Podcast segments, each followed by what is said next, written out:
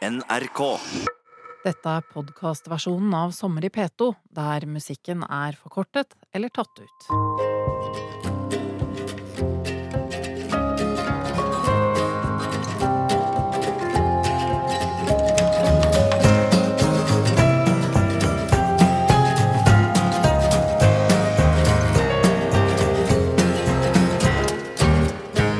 Det var ikke lett å komme til Norge. Jeg husker min første bussturen. Alle satt hver for seg, og ingen snakket med hverandre. Det var så uvanlig stille for meg på bussen. Hele bussturen var trist.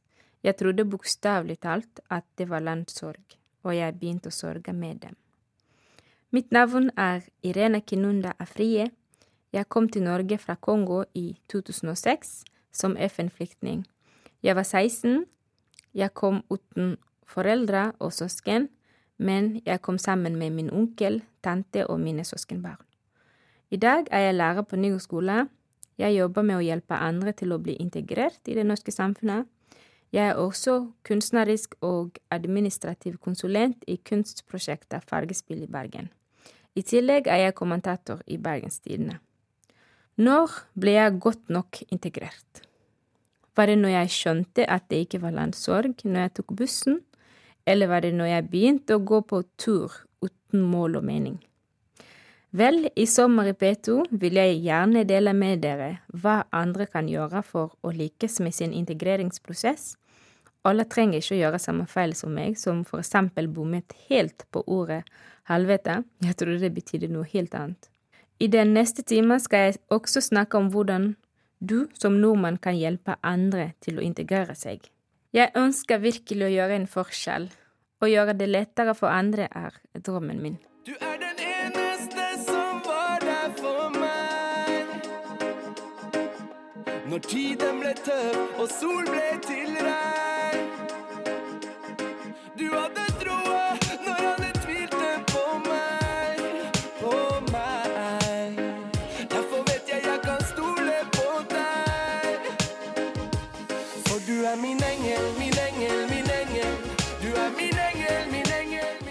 En av mine favorittting å gjøre, det er å hjelpe andre til å integrere seg i det norske samfunnet. Jeg har ingen problemer med å dele med andre hva suksessfaktorene er for å lykkes med integrering. Jeg har samlet på alt, alle faktorene i masteroppgaven, som gikk på hva gjør de som lykkes på tross av utfordringer innvandrere møter i Norge. Men dette er jo på makronivå. Jeg vil også bidra på mikronivå, derfor jeg har heller ikke problemer med å fortelle om ting som jeg gjorde feil, for å unngå at andre gjør samme feil. Selvfølgelig, folk er forskjellige. Jeg har tatt imot flyktninger til Norge. Noen av dem spør med en gang hva er wifi-passordet, mens andre visste ikke hva wifi er. Men selv om det er forskjell, så har de også mange likheter. For eksempel, alle lurte på hvorfor det var så få folk ute. Å av erfaringer har alltid vært nyttig, på en eller annen måte. Min første handletur var på Kleppestø, senter på Askøy utenfor Bergen. Gjennom denne store døren så jeg alt var innpakket. Men tenkte hvordan skal jeg vite hva som er innpakket, og pris? Vi har sånne butikker med alt innpakket i Kongo også, men det er bare for de rike. Jeg tenkte at jeg, det kan være en god idé om jeg går rundt på Kleppestø senter og ser etter en mørk person som snakket swahili. Men jeg fant ingen. Ingen mørk person på hele senteret. Jeg syntes det var litt rart, så jeg bestemte meg for å handle uten hjelp. Jeg tenkte at hvis jeg ser et bilde av en kylling, så må det være kylling inni der. Ja, det kan ikke være noe annet. Men så så jeg bilde av en katt og en hund. Jeg tenkte selvfølgelig at det var en katt inni der. Jeg ble egentlig veldig overrasket, fordi jeg tenkte vi bor jo i en av verdens rikeste land, og de spiser katt og hund. Hvorfor det? Til og med vi som bodde i flyktningleir, vi var veldig fattige. Vi spiste aldri katt og hund. Så jeg gikk videre, for jeg visste jeg ville ikke ha verken katt eller hund til middag. Men det ble jo bare verre den handleturen der. På For på påleggavdelingen jeg så veldig mye syltetøy av mange sorter. Jeg forsto det, og så så jeg makrell i tomat, og det skjønte jeg ut bil fra bildet.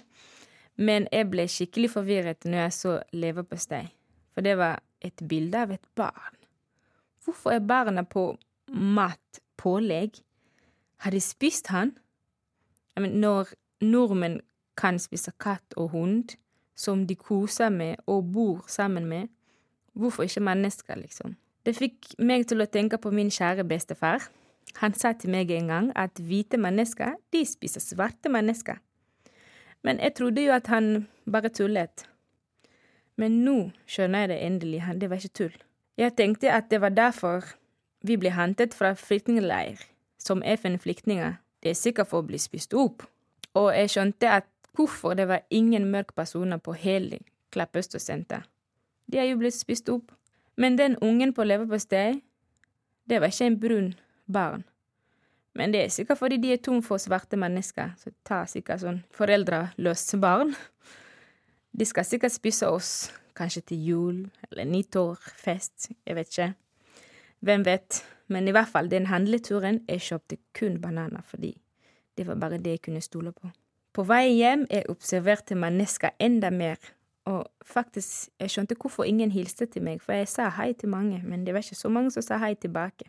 Tenkte, de ser sikkert på meg som mat, liksom, nam-nam når jeg går forbi.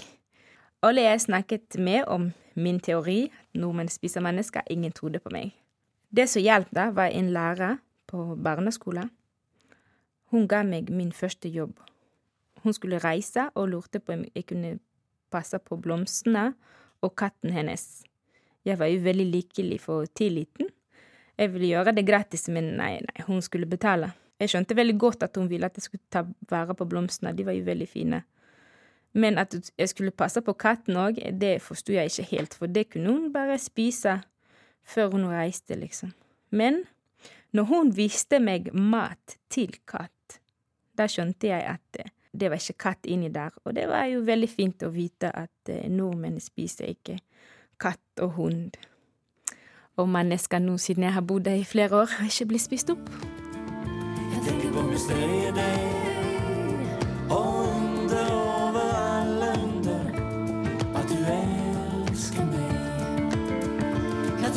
mysteriet deg, og under over alle under, at du elsker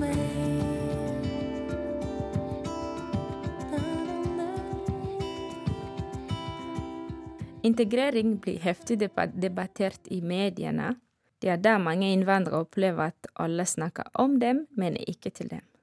Det er mange meninger om hva som skal til for vellykket integrering, men mange av disse meningene kommer fra folk som har selv ikke opplevd det å komme til Norge og bli en del av det norske samfunnet. Men når skjer den integreringa alle snakker om, egentlig? Er man integrert når man spiser taco på fredag? Eller er det når man heier på norsk fotball? Jeg spiser ikke taco på fredag, og jeg liker ikke fotball, men hvis noen mener at jeg ikke er godt integrert, da må de ta det opp først med Bjørn Eidsvåg, for han har erklært meg godt integrert en gang i Grieghallen.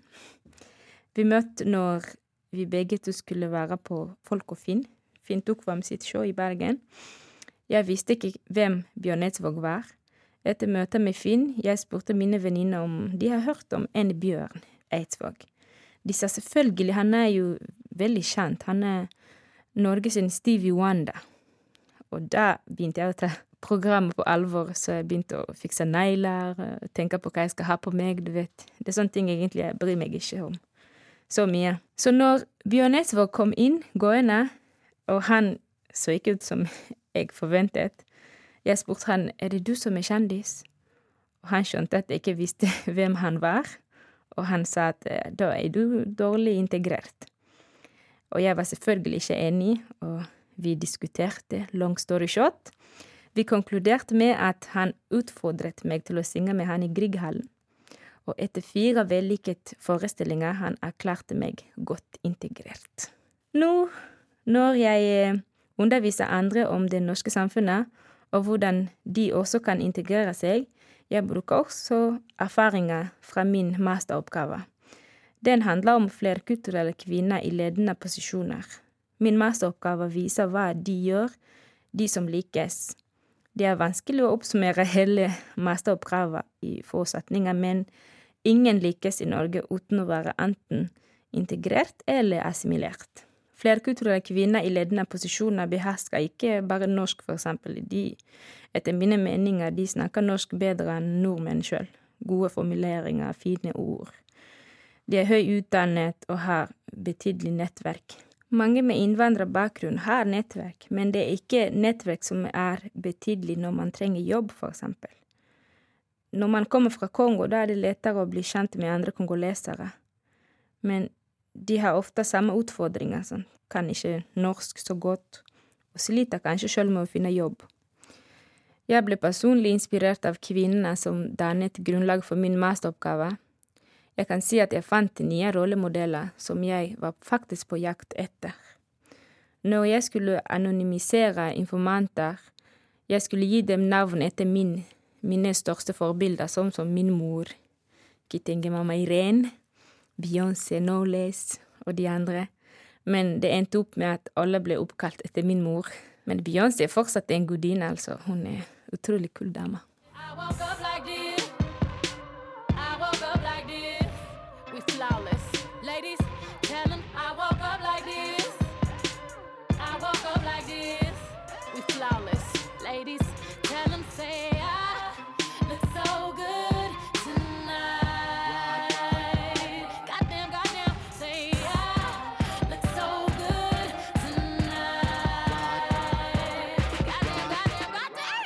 Flawless er min favoritt-Beyoncé-sang.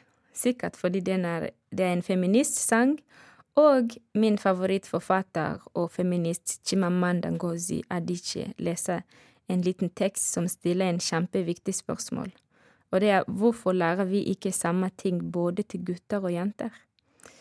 Den teksten er faktisk the ugly truth. Det er ingen samfunn som behandler både jenter og gutter lik. Alle gjør det på sin måte, men i Norge skillet mellom jenter og gutter begynner fra den dagen de blir født.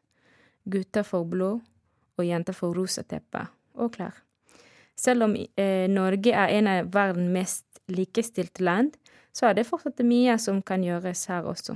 Alle bør være feminist, for det er bra for alle.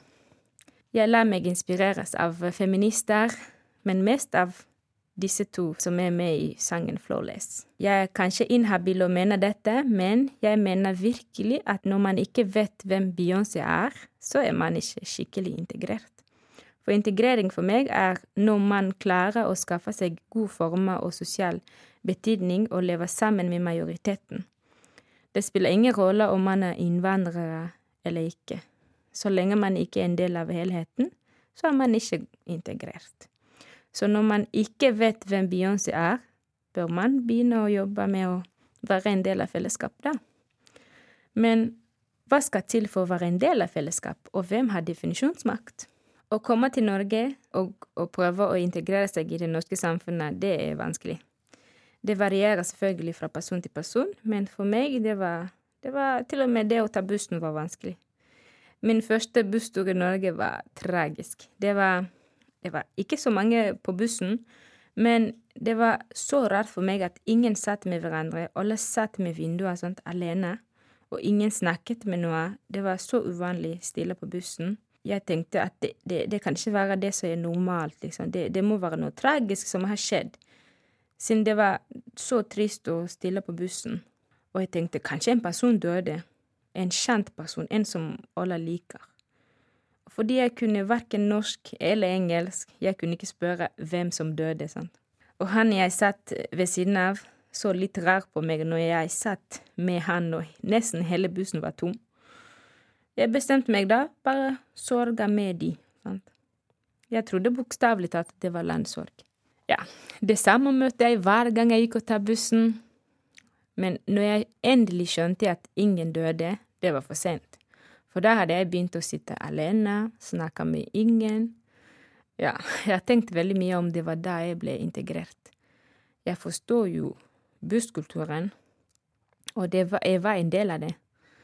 Men jeg tror jeg ble i hvert fall integrert når Jeg lærte å gå av bussen uten å si til sidemannen at jeg skal av, og de skjønte det. Ja. Det er vellykket integrering. En ting som var lett i min integreringsprosess, var å bli kjent med norsk musikk. Jeg ble kjent med norsk folkemusikk gjennom fargespill. Jeg kan så mange norske trad enn de fleste etniske norske på min alder. Den første sangen jeg lærte da jeg kom til Norge, var Sommerfugl i vinterland. Jeg fikk den av en dame på Askøy. Hun sa til meg at når hun hørte på den sangen, så tenkte hun på meg. Og jeg ble selvfølgelig veldig glad, og gikk hjem og sang hel, og lærte hele sangen uten å vite hva det betyr engang. Jeg visste ikke at det var norsk engang, det var 'Jeg så deg. Ja, jeg har sunget den til eh, Havdan Sivasen når han var i Bergen med gitarkameratene, og han sa faktisk at jeg sang den beste versjonen. Yes! Vel, nå når jeg har lært norsk og forstår hva sangen handler om, jeg har virkelig holdt fast til sangen. Det er jo min sang. Selv om jeg forstår mye nå av den norske kulturen, så er det ikke alltid jeg syns at jeg er godt integrert. Det gjelder i hvert fall når jeg går tur. Første turen var på Askøy. Jeg ble spurt om å få være med på tur, og jeg sa ja, uten egentlig å vite hva jeg hadde sagt ja til. Når turen begynte, jeg skjønte at vi skulle gå. Jeg møtte opp selvfølgelig i høye hæler og pyntet, men jeg fikk tursko, og vi gikk. Når vi kom på toppen, vi satt og så litt på utsikt, drakk litt saft og spiste epler og druer. Og ja, vi snakket, og det var koselig. Etterpå så sa hun som ledet turen at vi skulle gå tilbake, og jeg forsto ingenting, virkelig. Hvorfor kom vi helt hit? Kom vi helt opp på topp av et fjell for å spise eple? Vet ikke at vi kan spise det hjemme, liksom, vi må ikke komme helt opp her. Jeg tenkte at kanskje vi leter etter noe. Jeg prøvde å lete, men når vi kom fram, så sa de bare ja, ha det bra. Og da ble jeg i hvert fall forvirret. I dag så går jeg på tur, helt alene, frivillig.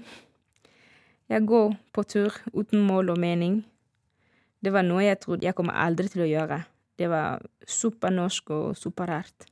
Men jeg forstår ikke når man skal si hei, selv om jeg går på tur nå. Eh, ja, hvor lenge skal man gå? For det er ikke samme plass folk sier hei, egentlig. Jeg har merka at av og til folk sier hei når jeg har begynt å gå stien.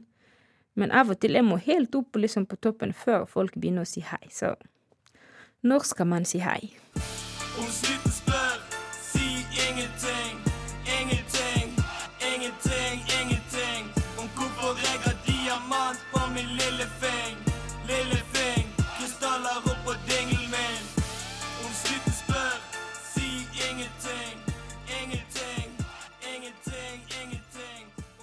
Språk blir ofte trukket frem som viktig i integreringsprosessen.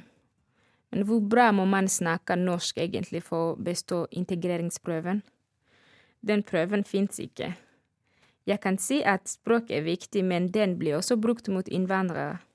For det er mange som kan språk og har alle kriteriene, men kommer ikke engang på jobbintervju. Ingen har klart å løse det problemet, derfor noen arbeidsgiver har begynt med noe som heter blind CV, for å dempe diskriminering ved å søke jobb uten å oppgi navn, alder eller kjønn. Jeg har jobbet hardt med norsk fra dag én, men når jeg ser tilbake, jeg tenker at jeg kunne gjort bedre. Det å ta ansvar for egen læring var litt for stor overgang for meg. Det var ikke vanlig for meg. Min første skoledag, jeg var jo livredd. Jeg var redd for å gjøre feil, og at lærerne skal slå meg. For der jeg kommer fra, det er helt vanlig at lærerne slår elevene. Jeg var vant med ekstrem streng lærer. Når jeg kom til Norge og i klassen, en refererte lærer som du i stedet for de, jeg laget liksom plass for at lærer skal komme og slå hun. Når lærer gjorde ikke det, og slo ikke henne, jeg fikk panikk, for jeg, jeg trodde jeg hadde forvekslet ordene. Men det hadde jeg jo ikke gjort. Jeg tenkte ja, da kan jeg sikkert slippe unna med alt i Norge, lærerne bryr seg ikke. Jeg jobbet ikke hardt nok, egentlig. Og det var dumt av mange grunner. Men en av dem, det er at jeg klarte å mistolke ordet helvete. Jeg trodde at helvete var, det var et ord som for eksempel kveldsmat. Man kan dele det ordet i to, og da har du kveld, så har du mat. Så jeg delte ordet i to, da. Og helv, det er vel halv, tenkte jeg. Og vete, det er sikkert å vite. Så helvete, det er å vite halvt. Jeg tenkte at det, det, det ga mening faktisk at folk på skolen sa det så, mye. Vi går jo på skolen fordi ingen kan alt. Vi er helveter. Hvis noen kom med en liten diskusjon med meg, eh, da sa jeg alltid at de var helvete, og folk ble så, så sur, forbanna på meg. Og jeg skjønte ingenting. Hvorfor er du så sur, liksom, sa jeg alltid. Det er liksom, det er sannheten, liksom. Jeg prøvde å forklare alltid, liksom, kom igjen, jeg er også en helvete, du er en helvete. Sånn er det bare. Nå når jeg tenker på det, jeg husker at folk prøvde å si til meg at det ikke var bra, men jeg forsto ikke det. En sa til meg, ja, for eksempel, ja, Irene, du, du er kristen menneske og banner sånt. Da sier jeg alltid nei, jeg banner aldri. Jeg er kristen, og jeg er storesøster til mange. Jeg prøver å være en god rollemodell, så jeg kan ikke banne. Du er bare en helvete, og du vet ikke hva du snakker om. Når du blir bedre kjent med meg, så skal du se at jeg ikke er en som går rundt og banner. Ja. Dette tok slutt når jeg begynte i Fargespill. Fargespill er et kunstnerisk prosjekt med barn og ungdommer med røtter fra hele verden. Vi i Fargespill lager forestillinger basert på barna og ungdommer sine sanger og dans som de tar med seg til Fargespill. Med så mange nasjonaliteter, religion og mest av alt individer, så er det helt vanlig med diskusjoner. Så en gang på øving, når jeg begynte med min helvete-greie, så sa hun eh, kunstneriske leder Sissel at jeg ikke kunne snakke sånn til andre. Og jeg tenkte at hun er sikkert en av de som ikke klarer sannheten. Men når jeg gikk hjem den dagen, og jeg så i ordboken, og det var norsk og engelsk, så sto det der hell. Jeg var sjokkert at jeg gikk rundt og sa det. Nå, jeg sier det bare når jeg skal fortelle historie. Jeg banner ikke. Jeg er kristen, vet du. Jeg begynte i fergespill i 2007, bare noen måneder etter at jeg kom til Norge. Jeg begynte først som aktør, og nå er jeg ansatt. Jeg har lært veldig mye og har gjort masse gøye ting, men det gøyeste og kanskje det mest unike ting var å framføre under Nobelfesten i fjor, når Morad og dr. Mukwege ble tildelt prisen. Der sang jeg og danset på et språk av folk som tok alt fra meg. Jeg kalte den fiendesangen. Den lærte jeg i flyktningleir. Det var en sang som jeg ikke torde å synge høyt. I fagespill er det ingen som begynner fordi de skal få hjelp. Alle skal bidra på en eller annen måte. Derfor får alle som begynner i fagespill, spørsmål Hva har du med deg? Da jeg fikk dette spørsmål, jeg delte så mye av mine sanger og minner fra barndommen i Kongo. Jeg delte så mye at Sissel, som er kunstnerisk leder, måtte lage en mappe på meg som heter Irene. I mappen var det alle sanger jeg syntes var fine, men fiendesangen var ikke der, selv om jeg syns det er en av de fineste sang jeg kan. Men under en øvelse en dag gikk alle ute av rommet, og da begynte jeg å synge den sangen. Sissel eh, kom inn og syntes at den var veldig fin og nysgjerrig, og ville gjerne høre den. Etter en lang diskusjon med meg sjøl, bestemte at eh, ja, jeg kan synge sangen til hun. Og deretter foran de andre i Fargespill, og til slutt klarte jeg å synge til mange. Jeg er overbevist at dette ble lett for meg av en grunn. I Fargespill er det barn og unge fra hele verden. Det betyr at barn og unge fra nabolandene til Kongo, som vi har hatt problemer med, er også med i prosjekter. Fordi alle vil være med, det tvinger oss til å bli kjent med hverandre. Og da vi ble kjent med hverandre, sluttet jeg å se på dem som kategorier og mer som individer. Dette var et vendepunkt, for da jeg fant ut at hun jenta for eksempel fra Rwanda, hun har et navn, hun heter Annie. Og så ble det lettere å bli kjent. Hun er faktisk veldig morsom og et stort talent innen musikk. Og han fra Burundi, han er ikke lenger bare en burundisk gutt. Han heter Tresor, og du møter knapt en finere eller snillere gutt. Hun fra Uganda, hun heter Hanna, og hun er faktisk ikke bare god til å danse, hun, hun skal bli snart tannlege. Nå kan Annie passe barna mitt, og nå kan jeg bli invitert til Tresor sin fest, og nå kan jeg be om råd fra Hanna. Vi er venner nå, og det er slik vi endte opp på Nobel fredspris sammen. Selv om landene våre fortsatt har problemer med hverandre. Det var veldig spesielt å opptre. Ikke bare fordi det var selveste Nobelfesten, men også fordi jeg skulle fortelle en av min liv viktigste historier jeg har å fortelle. Fiendesangen handler om fred, og jeg likte ideene og drømmen om fred etter å ha vært på flukt i mange år, og i forskjellige land. Men de som drepte min far, snakket dette språket. De som gjorde at jeg ble en flyktning, og det verste av alt, en foreldreløs.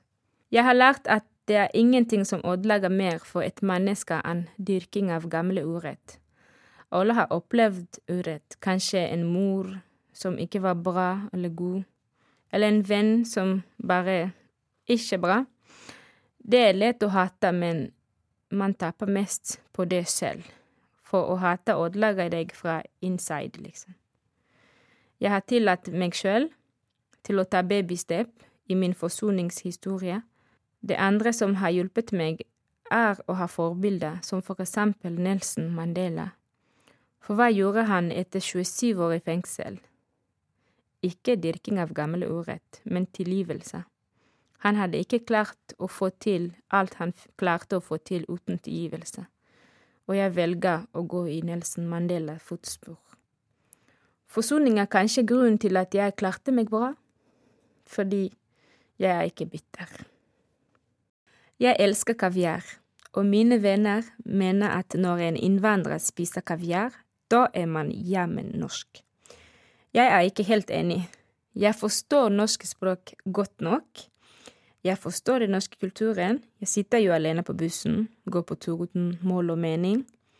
Men det er én ting jeg ikke forstår, og det er norsk humor. Norsk humor er helt insane vanskelig. Jeg kan ikke huske hvor mange ganger jeg har vært steder der folk ler av ting jeg Jeg forstår bare ikke hva som er morsomt med det. For eksempel når jeg sier at uh, min mann kommer fra Ghana og ikke fra Fana. Hva er morsomt med det? Er det fordi begge ordene slutter med na? Eller er det fordi de rike bor på Fana og de fattige bor i Ghana? Du vet, stereotyper. Jeg skjønner i hvert fall aldri. Jeg ler alltid bare fordi jeg syns at det er morsomt at folk syns at det er morsomt. Når en innvandrer forstår norsk humør, da er man ikke integrert lenger, da er man assimilert. Og når for eksempel en kongoleser begynner å tenke på seg sjøl for familie, da er man blitt norsk. Man lærer det veldig tidlig i Kongo at du er ingenting uten familie. Jeg må si at jeg klarer i hvert fall ikke å se meningen med livet mitt uten familie. Familie er alt. Ubuntu, vet du. Jeg er fordi de er. Når jeg kom til Norge, så hadde jeg ingen kobling til samfunnet jeg kom til. Jeg hadde ikke språk, kodene. Jeg hadde ingen venner, familie eller historie som knyttet meg til det nye landet jeg skulle bli en del av. Så noen måtte invitere meg inn, og jeg måtte si ja. Jeg har nå blitt invitert inn i det norske samfunnet av mange, fra styreverv til konferansieroppdrag, radio- og TV-programmer, men den første invitasjonen til det norske samfunnet var for fagespill. Det ble jeg sett på som en verdi, og det ga meg en bekreftelse jeg trengte. Det er som hvis du er en vakker jente, men ingen sier det til deg, til slutt så kommer du til å tvile på din beauty, liksom. Alle kan lære seg å føle seg verdifull, men du trenger hjelp til det, andre må fortelle deg det. Selv om jeg har lykkes med min integreringsprosess, det skal nevnes at det var ren tilfeldighet. Og integrering kan ikke basere på tilfeldigheter. Disse tingene må systematiseres og institusjonaliseres. Vi må ha et systematisk arbeid med holdninger til egen og hverandres identitet. Akkurat nå, holdninger er ikke gode. Samfunnet sender signaler om at vi innvandrere er en belastning for dette landet. Signaler om at det er noe feil med meg, at vi innvandrere er mindre verdt og kanskje litt dum og kunnskapløs. Jeg dramatiserer ikke, faktisk, det er bare å gå og lese i kommentarfeltene. Folk kan være veldig stygge og virkelig usivilisert. Når holdninger er på plass, gjør det det lettere å snakke om hvordan vi skal invitere flere inn, og hvordan vi skal få flere til å si ja. Hvordan skal flere bli invitert inn i det norske samfunnet? Vi må ha et systematisk fokus på ressurser hos dem som kommer, og møte dem med spørsmål hva har du i stedet for hva mangler du? Dette er en feil mange gjør, det å stakkarsliggjøre andre som skal integrere seg. De får ikke mulighet til å gi, bare få. Og dette gjør nesten umulig å by på seg sjøl og å lykkes. Det andre spørsmålet er hvordan skal vi få flere til å si ja? For det å si nei, det er lett. For å være passiv, det er jo trygg, mens det å være aktiv, eller det å si ja, det er risikabelt. Jeg tror det er viktig da å gjøre folk trygge nok til å si ja. For vi blir til det omverdenen definerer oss til å være. Når du blir sett på som en ressurs, så blir du en ressurs. Jeg vil si til slutt at det, må ikke være et enten-eller. Det, det må være mulig å si ja til det nye uten å si nei til det gamle. Jeg fikk høre at du må integrere deg, altså du må bli så norsk som mulig, men identitet er ikke noe du bare velger på den måten. Jeg er også kongolesisk, og jeg må få lov til å være stolt av det. Når jeg vet hvem jeg er, og får lov til å være det, vil du få mer utbytte av å invitere meg, og det blir lettere for meg å si ja. Og voilà! Der har du vellykket integrering. Dette var podkastversjonen av Sommer i P2 med Irene Kinunda Afriye. Produsent var Marte Rommetveit. Og du kan høre fullversjonen av programmet med musikk på NRK radio på mobil, nettbrett eller PC. NRK.